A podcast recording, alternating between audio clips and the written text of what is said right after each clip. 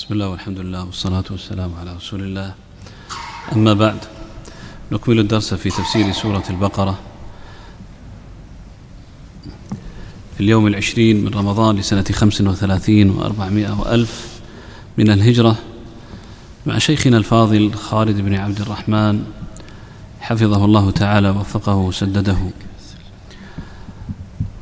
أعوذ بالله السميع العليم من الشيطان الرجيم من همزه ونفخه ونفثه يا أيها الذين آمنوا كتب عليكم الصيام كما كتب على الذين من قبلكم لعلكم تتقون. أياما معدودات. فمن كان منكم مريضا أو على سفر فعدة من أيام أخر. وعلى الذين يطيقونه فدية طعام مسكين فمن تطوع خيرا فهو خير له وأن تصوموا خير لكم إن كنتم تعلمون شهر رمضان الذي أنزل فيه القرآن هدى للناس وبينات من الهدى والفرقان. فمن شهد منكم الشهر فليصمه ومن كان مريضا أو على سفر فعدة من أيام أخر. يريد الله بكم اليسر ولا يريد بكم العسر ولتكملوا العدة ولتكبروا الله على ما هداكم ولعلكم تشكرون. وإذا سألك عبادي عني فإني قريب أجيب دعوة الداع إذا دعان. فليستجيبوا لي وليؤمنوا بي لعلهم يرشدون. أحل لكم ليلة الصيام الرفث إلى نسائكم. هن لباس لكم وأنتم لباس لهن.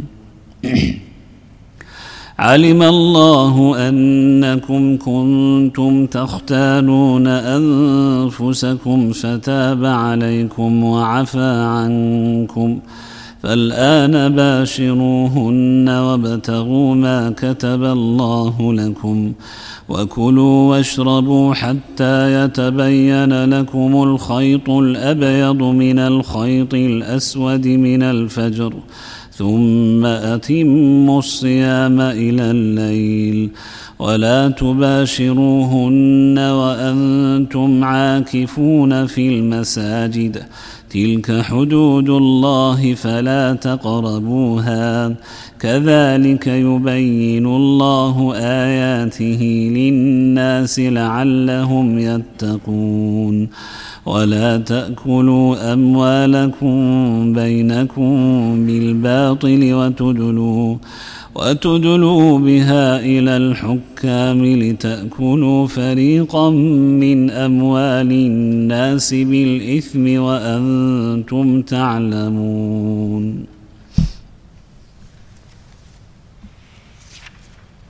جزاك الله خيرا. الحمد لله رب العالمين.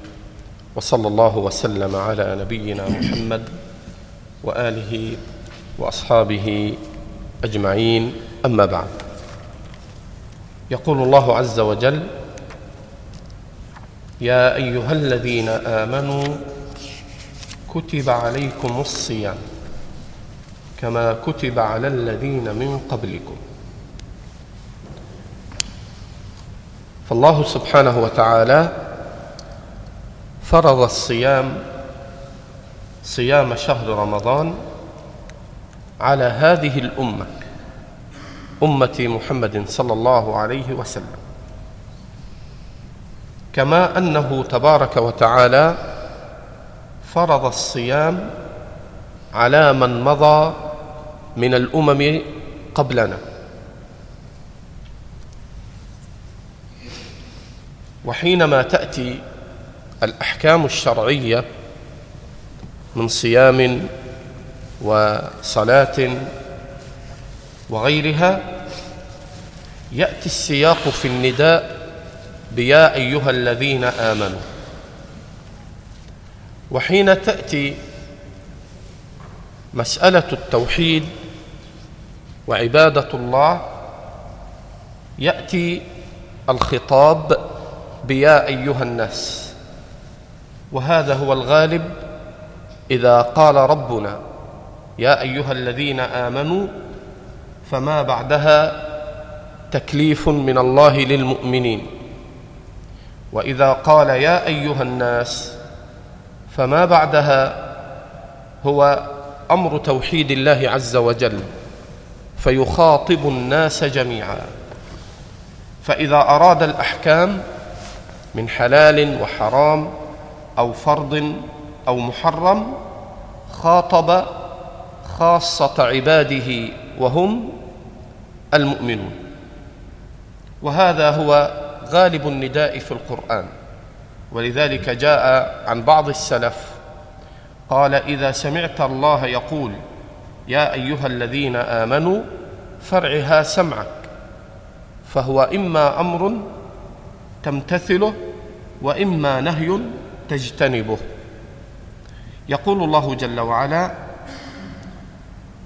لعلكم تتقون وهذا هو المقصود من الصيام.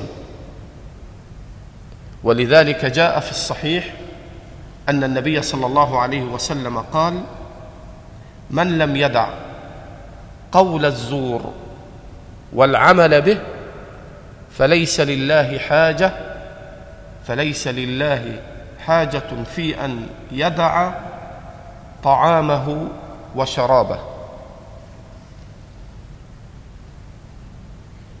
فالمقصود من الصيام هو تقوى الله. ولذلك كما جاء في صحيح البخاري أن النبي صلى الله عليه وسلم قال يا معشر الشباب من استطاع منكم الباءة فليتزوج. فإنه أغض للبصر وأحصن للفرج. ومن لم يستطع فعليه بالصوم فإنه له وجاء. فجعل النبي صلى الله عليه وسلم الصوم دافعا لشر الشهوة التي قد تجر الإنسان إلى ما يغضب الله عز وجل. فقال من استطاع منكم الباء فليتزوج. ومن لم يستطع فعليه بالصوم. فالصوم المقصود منه أن يحقق الإنسان تقوى الله عز وجل. وأن يظهر أثر ذلك على الجوارح كما جاء عن النبي صلى الله عليه وسلم في الصحيح قال وإذا كان صوم يوم أحدكم فإن سابه أحد أو قاتله فليقل إني صائم وفي رواية إني امرؤ صائم فإذا كنت في الصوم وسابك أحد وجهل عليك بقول أو فعل فتكون مجاهدا في أن تملك نفسك ثم أن تقول إني صائم مذكرا نفسك بطاعة الله جل وعلا. فهذا هو المقصود من كل العبادات. من حج من صيام من زكاة كل العبادات المقصود منها هو تقوى الله. كما قال الله عز وجل إن الصلاة تنهى عن الفحشاء والمنكر. لذلك إذا قام العبد بفرائض الله سبحانه وتعالى ثم بقي على ما هو عليه من سوء الخلق ومن الأذى للناس ومن الظلم فليعلم أنه لم يؤدي العبادة كما طلبت منه لأنه لو أداها كما أراد الله عز وجل لوجد أثرها. كما قال تعالى إن الصلاة تنهى عن الفحشاء والمنكر. قال الله جل وعلا يا أيها الذين آمنوا كتب عليكم الصيام كما كتب على الذين من قبلكم لعلكم تتقون اياما معدودات. فتأمل عظيم فضل الله على عباده. وعظيم لطفه في أحكامه. فأنت عندك في الشهر في الغالب ثلاثون يوما. والسنة اثنا عشر شهرا. وفرض الله الصيام في شهر من اثني عشر شهرا. يعني إذا قارنت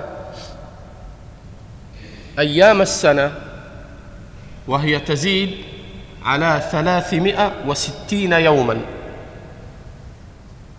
فقارنت أيام السنة بما هي تزيد على ثلاثمائة وستين يوما فتنظر إلى ما فرض الله عليك من الصيام. في الثلاثمائة وستين فتجد أن الله فرض عليك ثلاثين يوما أو تسعة وعشرين يوما بحسب الشهر إن كان تاما أو كان ناقصا. فتنظر إلى نسبة الثلاثين من الثلاثمائة وستين وزيادة. فهذا هو المعنى أياما معدودات فما هي إلا هذه الأيام المعدودة التي هي إذا ما قورنت بأيام السنة عدت أياما يسيرة. وهذا من عظيم فضل الله جل وعلا في أحكامه. كذلك الصلاة كما في الصحيحين. لما عرج بالنبي صلى الله عليه وسلم إلى ربه تبارك وتعالى فرض كل يوم خمسين صلاة. فما زال يخفف الفريضة عن عباده ويرجع النبي صلى الله عليه وسلم إلى ربه يسأله التخفيف حتى صارت خمسا بعد أن كانت خمسين صلاة. أياما معدودات فمن كان منكم مريضا أو على سفر فعدة من أيام أخر. من كان له عذر مريضا فالمريض حالتان عند أهل العلم. مريض يرجى برأه بمرض يعلم أنه عن قريب بفضل الله سيعافى. ومريض لا يرجى برأه بل مريض مستأصل به مرضه ولن يشفى منه. فالمريض الأول الذي يرجى برأه وأن المرض الذي عنده من المعلوم في العادة أنه يعالج ويشفى منه بإذن الله فعليه القضاء. فعدة من أيام أخر.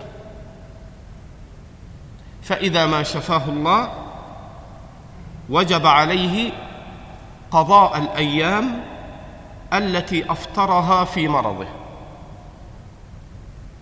وأما المريض الذي لا يرجى برأه ولا ينتظر الشفاء لمرضه فإنه يفطر ويطعم عن كل يوم مسكينا. وقد ثبت عن أنس بن مالك رضي الله عنه بإسناد صحيح.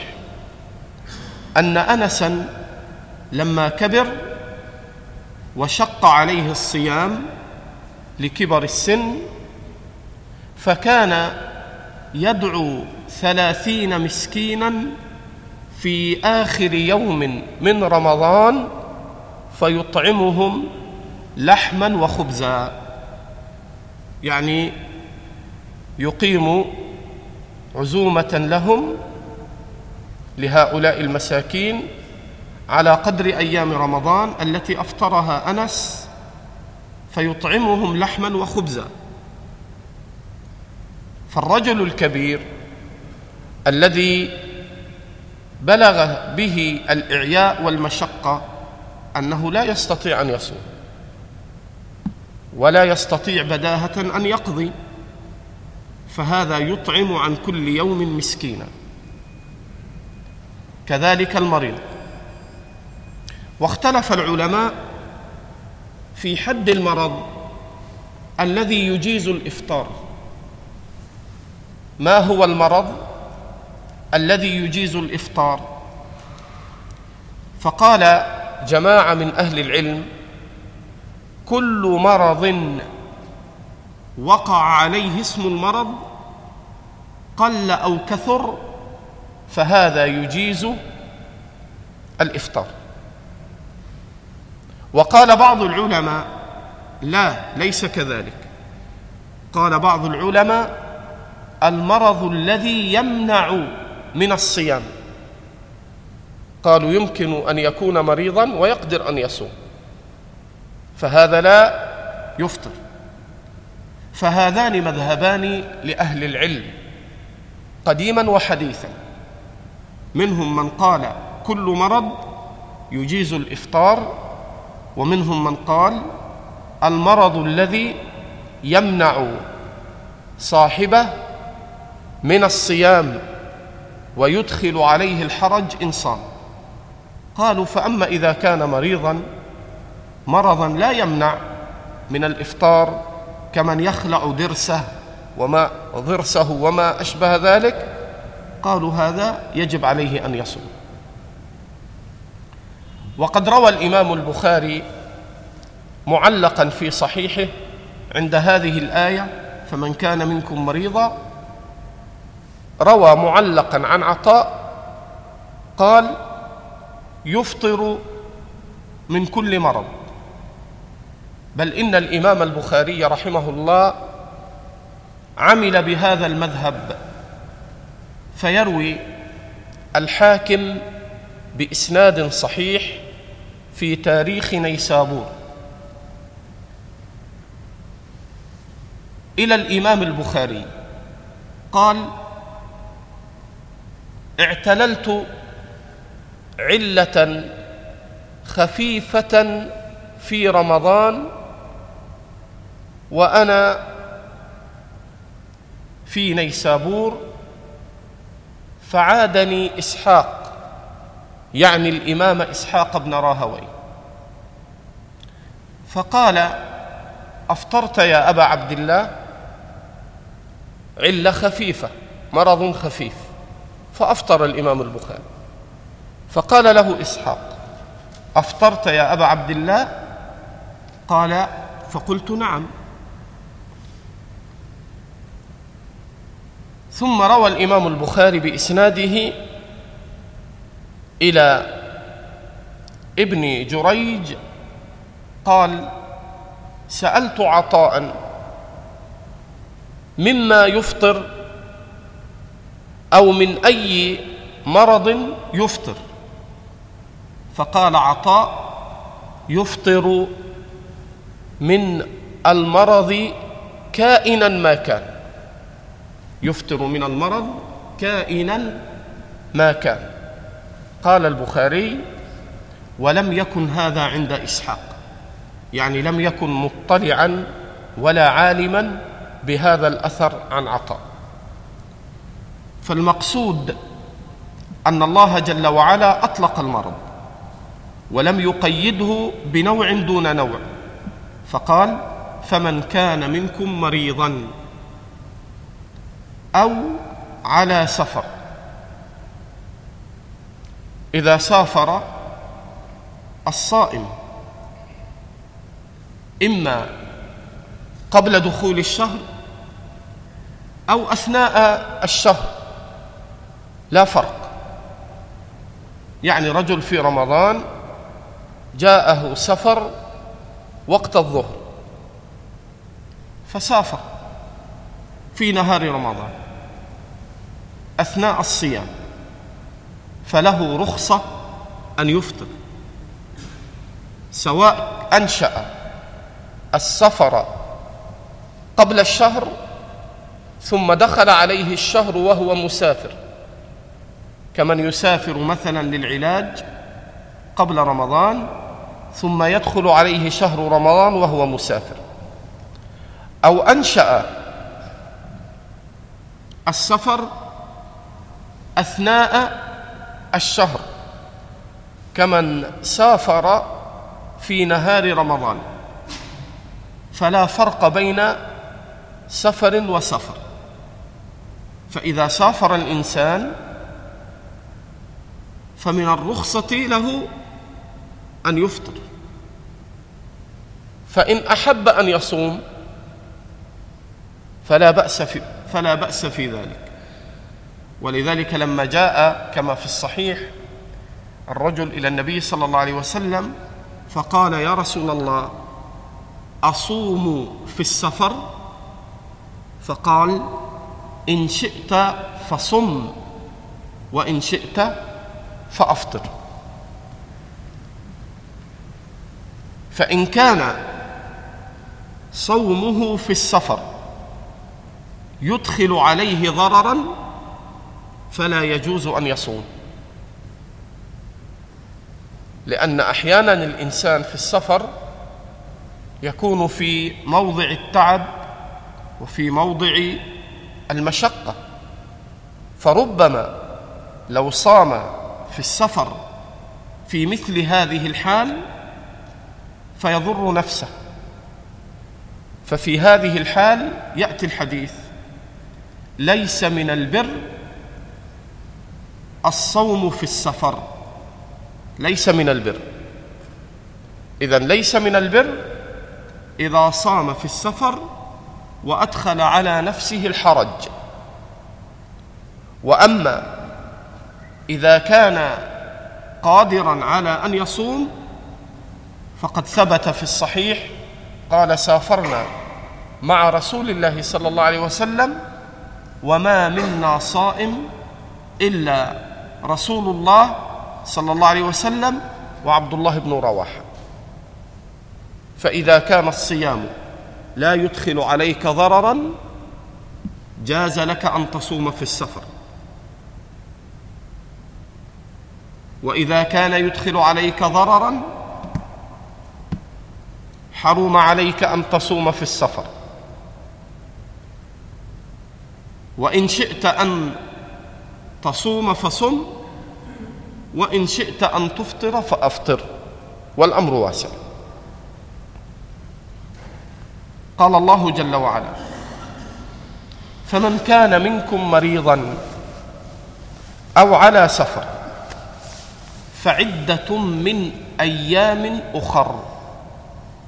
يقضي من أيام بعد انقضاء رمضان فبعد أن يرجع من السفر وبعد أن يشفى المريض يقضي أياما أخر بعد رمضان. قال الله جل وعلا وعلى الذين يطيقونه فدية طعام مسكين. واختلف المفسرون والعلماء في المراد من قوله الذين يطيقونه. فقال بعض العلماء المعنى الذين لا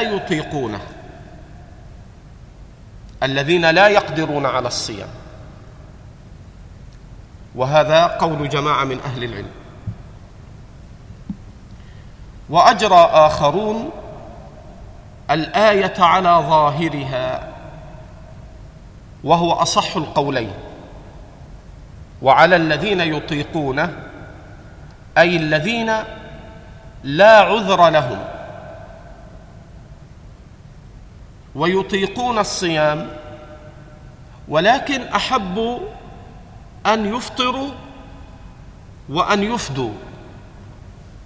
وقد صح عن جماعة كابن عباس وغيره أن هذه الآية كان في أول ما فرض الله الصوم. من شاء صام ومن شاء أفطر وافتدى. حتى نزلت الآية التي بعدها فمن شهد منكم الشهر فليصم. فأوجب الصيام على الجميع ولم يجز الفدية إلا للعاجز.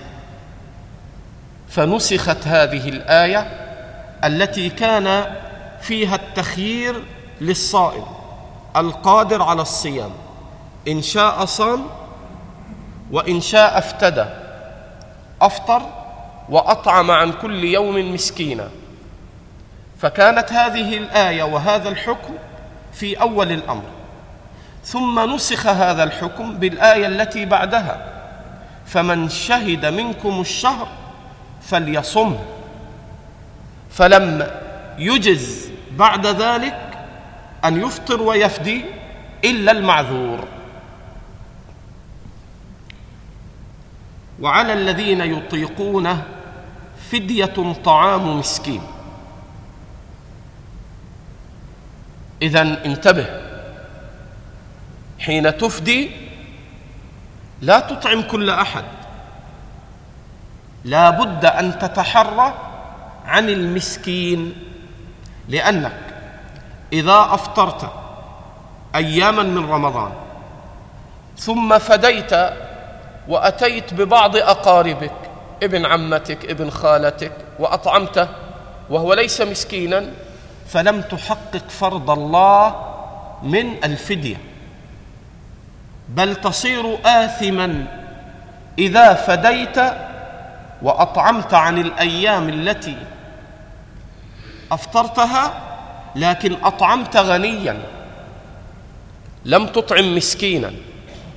فالله قيد الإطعام بالمسكين.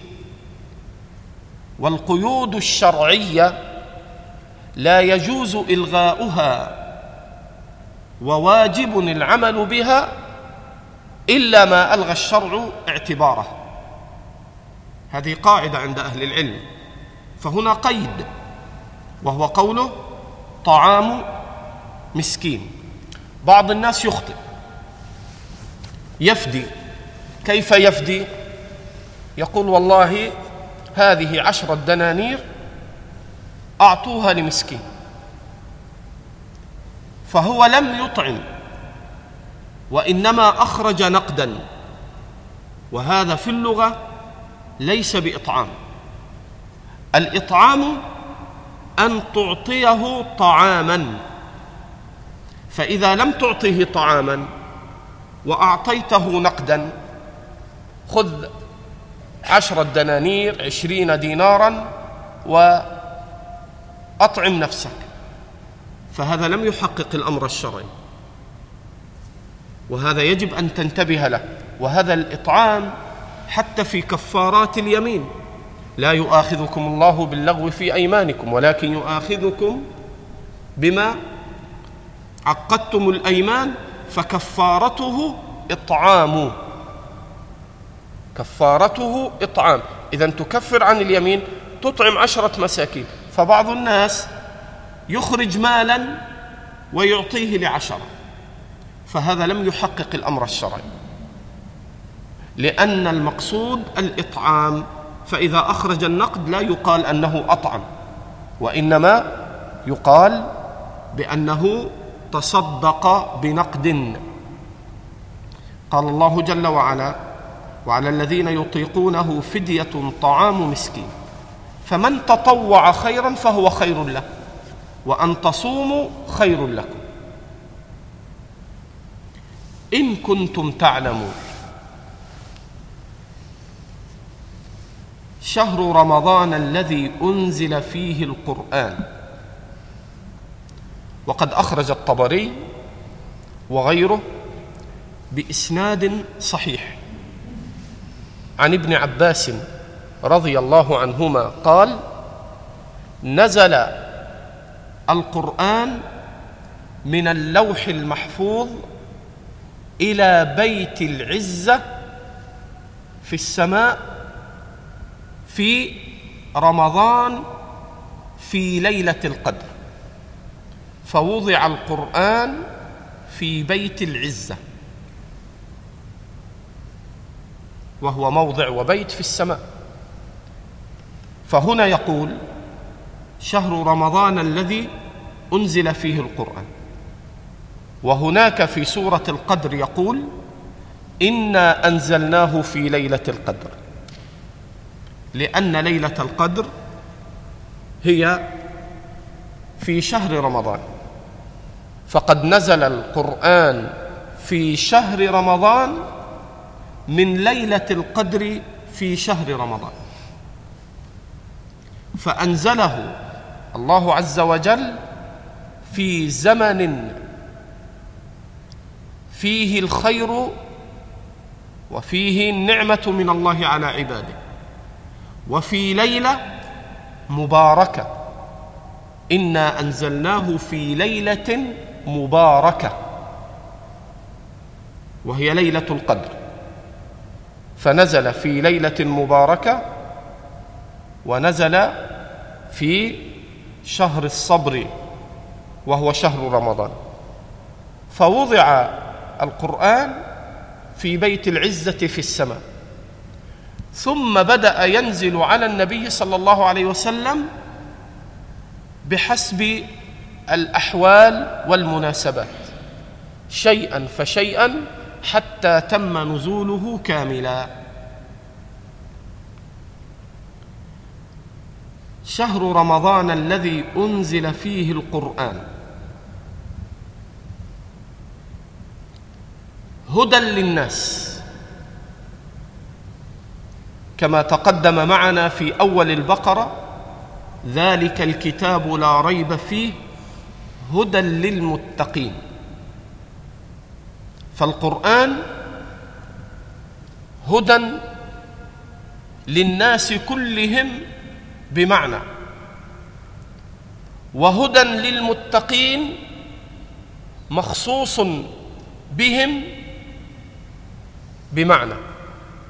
هدى للناس كلهم المؤمن والكافر أي أن فيه الهدى لمن أراد أن يسلكه فهذه الهداية هداية للناس للمؤمن والكافر. أما المؤمنون فهو هدى لهم وهي هداية التوفيق وهي خاصة بالمؤمنين. أن الله جعل المؤمنين والمتقين عاملين بكتاب الله وهداهم الله ووفقهم فصاروا مهتدين. فالقرآن في نفسه هدى. فمن تمسك به صار مهديا. فلا يكون هدى إلا للمتقين بمعنى التوفيق وانشراح الصدر وقبول الأمر. فهذه هداية التوفيق خاصة بالمؤمنين. فلذلك قال هدى للمتقين. وهنا قال هدى للناس لمن أراد أن يتمسك به. قال الله جل وعلا وبينات من الهدى.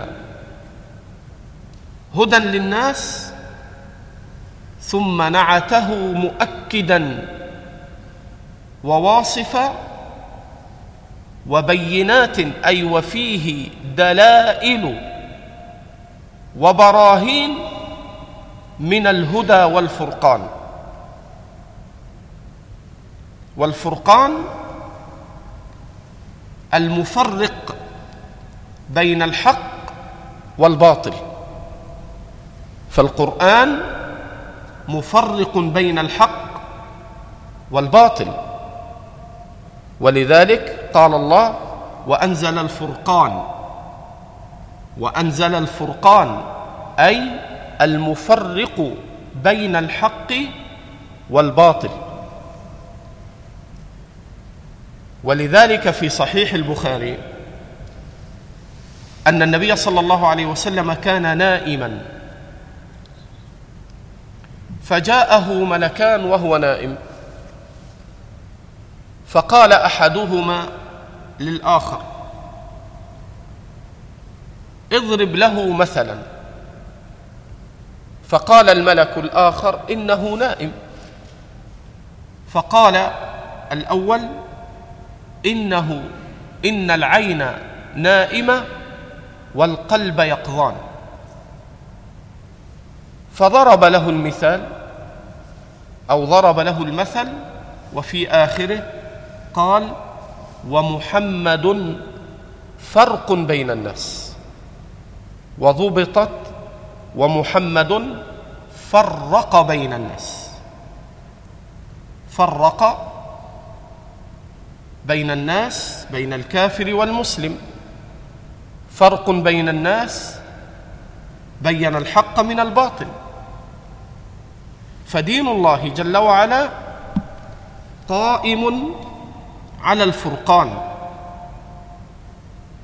وأنه لا بد أن يتميز صاحب الحق عن صاحب الباطل. وأن يتميز صاحب السنة عن صاحب البدعة. وأن يتميز صاحب الطاعة عن صاحب المعصية. ولا يجوز أن يكون أمر الدين معمن ومشكل لا بد أن يكون أمر الدين وأحكام الشرع فارقة مبينة لا تلتبس بالباطل. قال الله جل وعلا وبينات من الهدى والفرقان فمن شهد منكم الشهر فليصم. شهد الشهر وهو مقيم ومستقر في موطنه.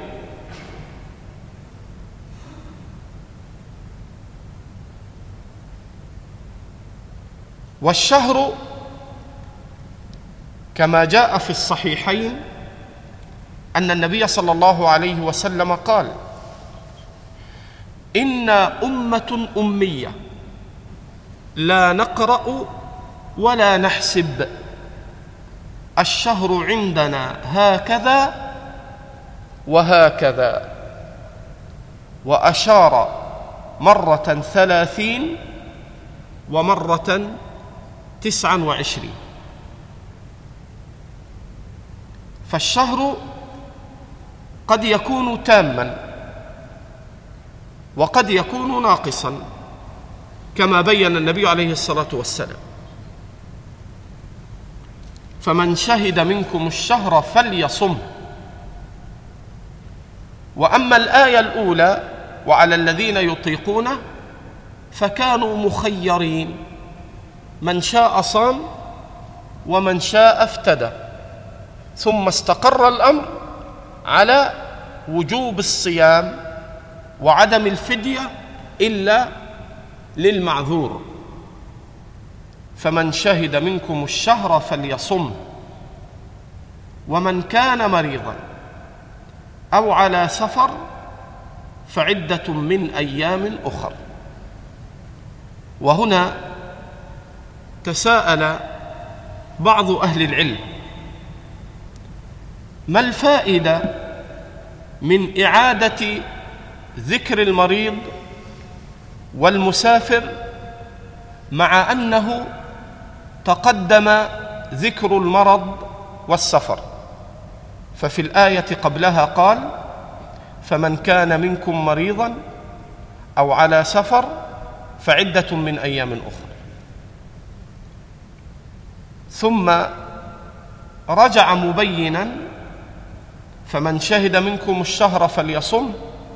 ثم أعاد ما تقدم فقال ومن كان مريضا أو على سفر فعدة من أيام اخر وقد أجاب عن هذا بعض أهل العلم قالوا ما تعلق في الآية الأولى في المريض أو المسافر حين لم يكن الصوم مفروضا وإنما كان مخيرا بين أن يصوم وبين أن يفدي. فكان الحكم في الأول على هذا. ثم لما أوجب الصوم على الجميع ولم يجز الفدية إلا للمعذور رجع مبينا الحكم فالصوم حين كان تطوعا تقدم فيه حكم المريض والمسافر. وحين صار فرضا لازما فأعاد ذكر حكم المريض والمسافر والله أعلم بمراد كلامه. قال الله جل وعلا فمن شهد منكم الشهر فليصم ومن كان مريضا أو على سفر فعدة من أيام أخر. يريد الله بكم اليسر. ولا يريد بكم العسر. انظر إلى اليسر. اليسر في عدد الأيام. شهر من اثني عشر شهرا. أياما معدودة. يسر من الله على العباد. واليسر مراعاة أحوال الناس. حين السفر فأسقط عنك فرض الصوم. وعليك القضاء. وحين المرض فأسقط الله عنك فرض الصوم وعليك القضاء حين البرء وحين الشفاء. فكل هذا من التيسير ومن إرادة الله عز وجل بعباده اليسر ولا يريد بكم العسر. ولتكملوا العدة. فتكمل صيام الشهر وعدته تاما. إن كان ثلاثين أو كان تسعة وعشرين. ولتكبروا الله على ما هداكم. عطف التكبير على إتمام عدة رمضان. وقد أخذ بعض أهل العلم من هذه الآية تكبير العيدين. عيد الفطر وعيد الأضحى. فنزع جماعة من السلف كما يرويه الطبري وابن أبي حاتم عن جماعة من أئمة المفسرين أنهم استدلوا بهذه الآية ولتكبروا الله على ما هداكم استدلوا بها على تكبير العيدين. وقد ثبت بأسانيد صحيحة عن جماعة من الصحابة علي رضي الله عنه وغيره وصح عن عمر وعن أبي هريرة وعن غيرهم من الصحابة تكبير العيدين عيد الفطر وعيد الأضحى. قال الله جل وعلا ولتكبروا الله على ما هداكم قرن بين الهداية والتكبير. قرن بين الهداية والتكبير. وما المناسبة بين أن يقرن التكبير مع الهداية؟ لأن هداية القلوب متعلقة بقدرة الله كما في صحيح مسلم. إن قلوب العباد بين أصبعين من أصابع الرحمن يقلبها كيف يشاء. فلما كانت هداية القلوب وإزاغة القلوب بقدرة الله جل وعلا قرن بين تكبير الله وبين ذكر الهداية. ولتكبروا الله على ما هداكم ولعلكم تشكرون. وهذا شكر العمل. فحين تصوم وتؤدي ما افترض الله عليك فقد شكرت ربك بالعمل. وكذا تشكر ربك بالقول وتشكر وتشكر ربك بقلبك.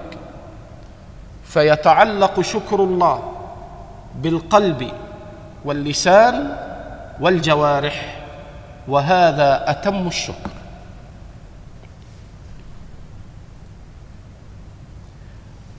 وإذا سألك عبادي عني فإني قريب أجيب دعوة الداعي إذا دعان.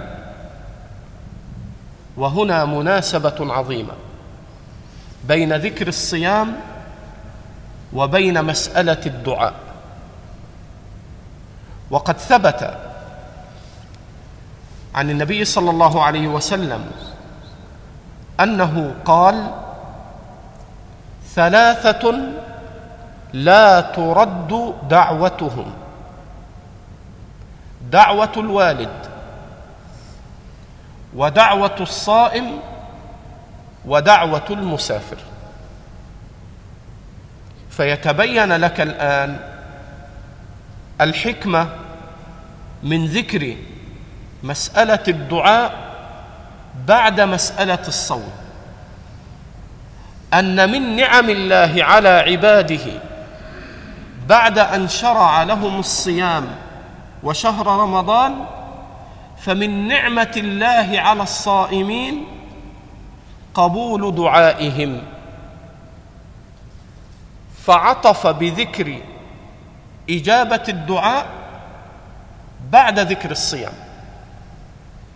ثلاث لا ترد دعوته. دعوة الوالد ودعوة الصائم ودعوة المسافر. ومعنى دعوة الصائم لا ترد ما دمت صائما.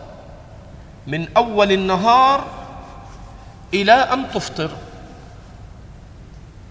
فانظر إلى عظيم هذا الخير. بل لو كنت ذا فطنة وأردت أن تقضي حاجة من حوائج دينك أو دنياك فصم. ثم تدعو ربك وأنت صائم. فيستجيب دعائك وأما ما روي في الحديث أن للصائم دعوة مستجابة عند فطره. فهذا حديث ضعيف لا يصح. وقد ضعفه جماعة من علماء الحديث كالإمام الألباني وغيره. فدعوة الصائم مستجابة ليست مقيدة عند الإفطار. وأما هذا الحديث المروي للصائم دعوة مستجابة عند فطره فهو إسناد ضعيف لا يصح. وإنما ما دمت صائما فإن الأصل في دعائك القبول ولا يرد ما استجمعت الشروط وانتفت موانع عدم الإجابة.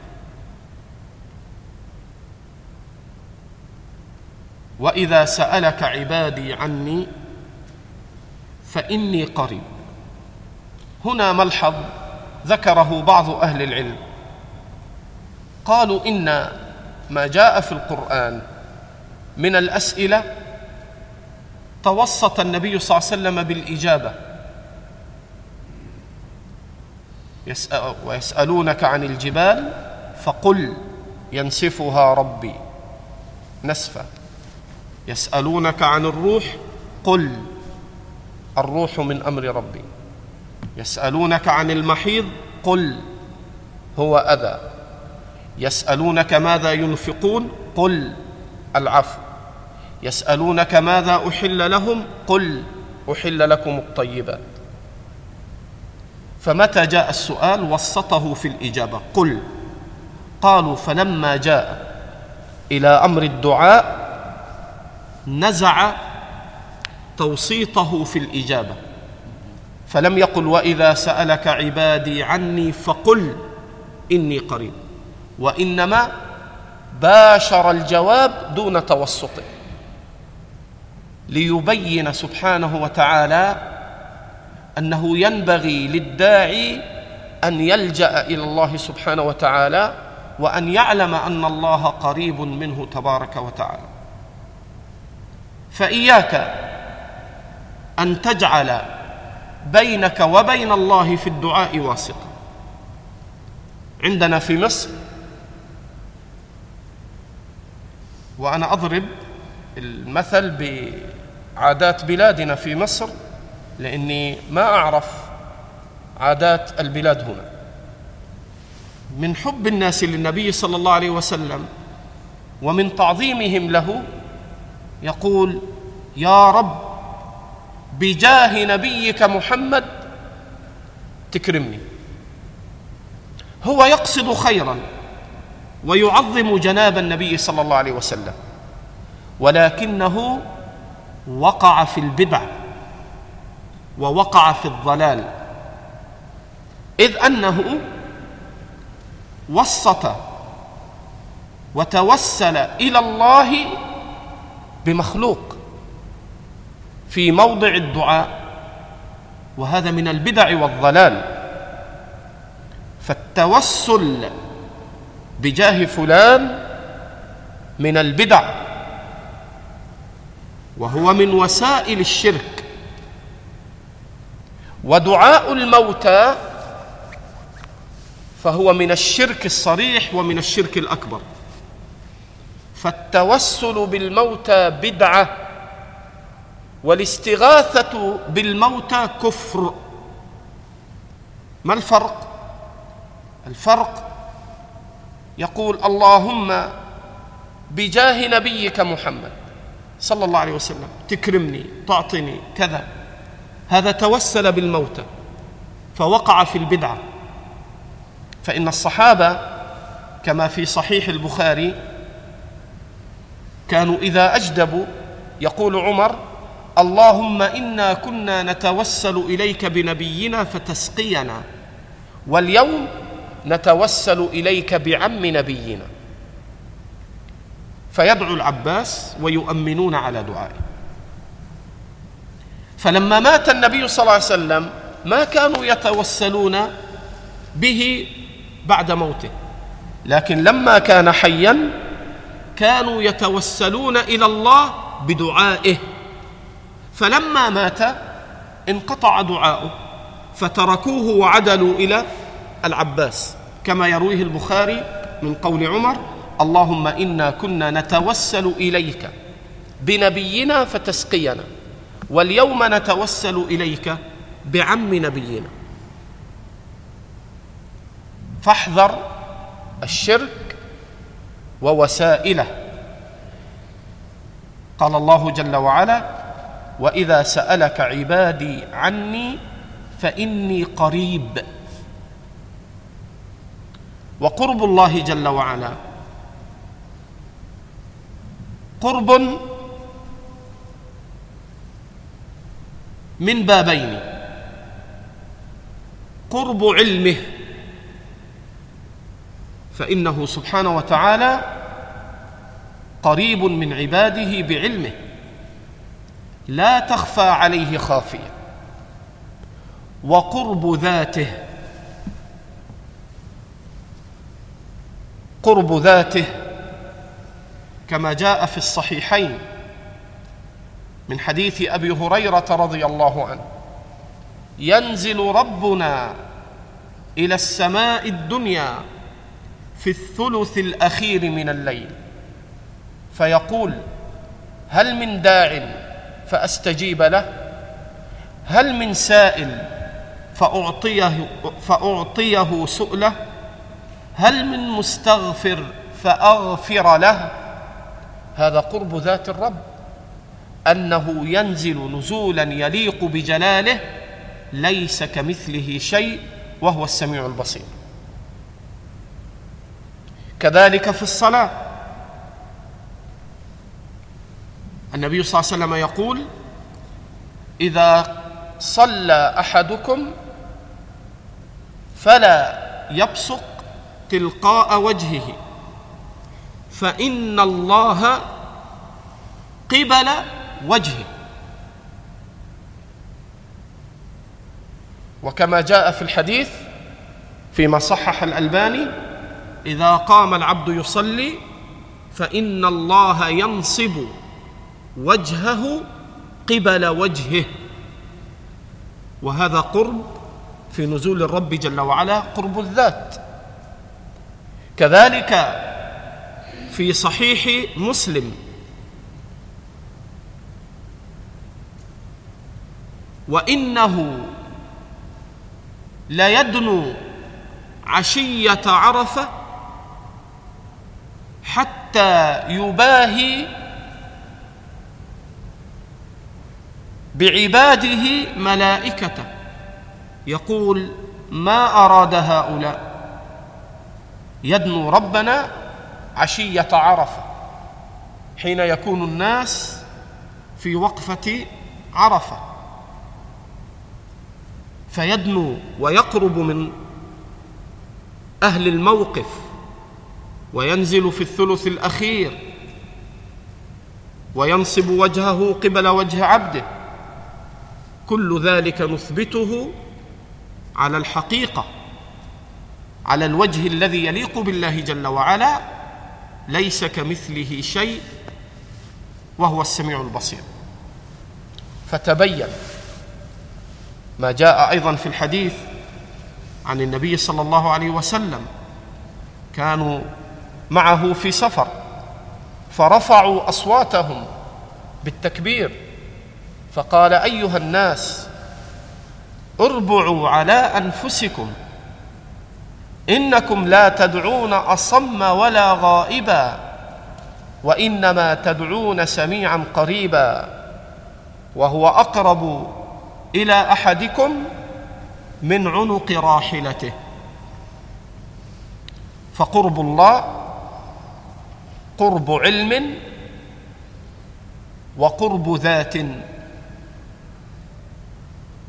على الوجه الذي يليق به ليس كمثله شيء وهو السميع البصير. وإذا سألك عبادي عني فإني قريب أجيب دعوة الداعي إذا دعان.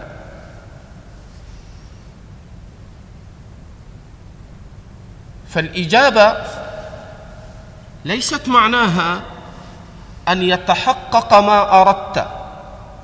كثير من الناس يظن أن إجابة الدعاء بأن يعطيه الله سؤله. اللهم ارزقني ولدا فلم يرزق بالولد فيظن أنه لم يستجب له. هذا خطأ.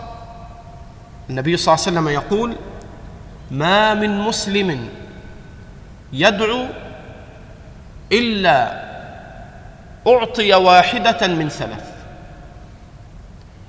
إما أن يعطى سؤله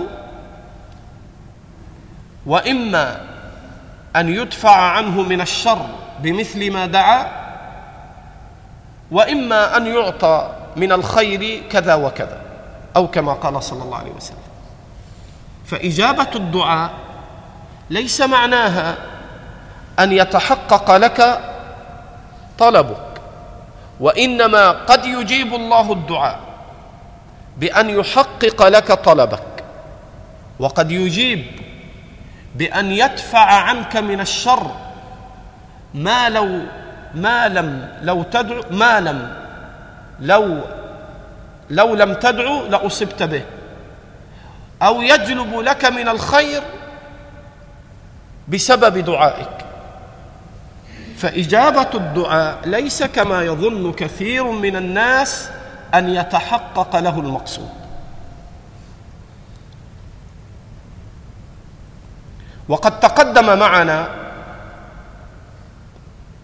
الحديث في صحيح مسلم أن الرجل أشعث أغبر يقول يا رب يا رب وملبسه حرام ومأكله حرام ومشربه حرام وغذي بالحرام. فأنى يستجاب له. فمن موانع قبول الدعاء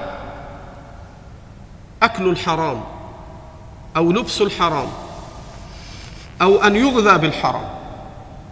فيكون هذا من موانع قبول الدعاء. فإجابة الدعاء موقوفة على تحقق على تحقق شروط الدعاء في القبول وانتفاء موانع الإجابة. فمن حقق الشروط وانتفت عنه موانع قبول الإجابة قبل دعاؤه وأجيب دعاؤه. فليستجيبوا لي وليؤمنوا بي. فليستجيبوا إشارة إلى شرط الدعاء. لا تدعو الله وأنت متلبس بأكل الحرام فأنت لم تستجب له فلا يستجيب لك. يقول يا رب أشعث أغبر. يقول يا رب يا رب.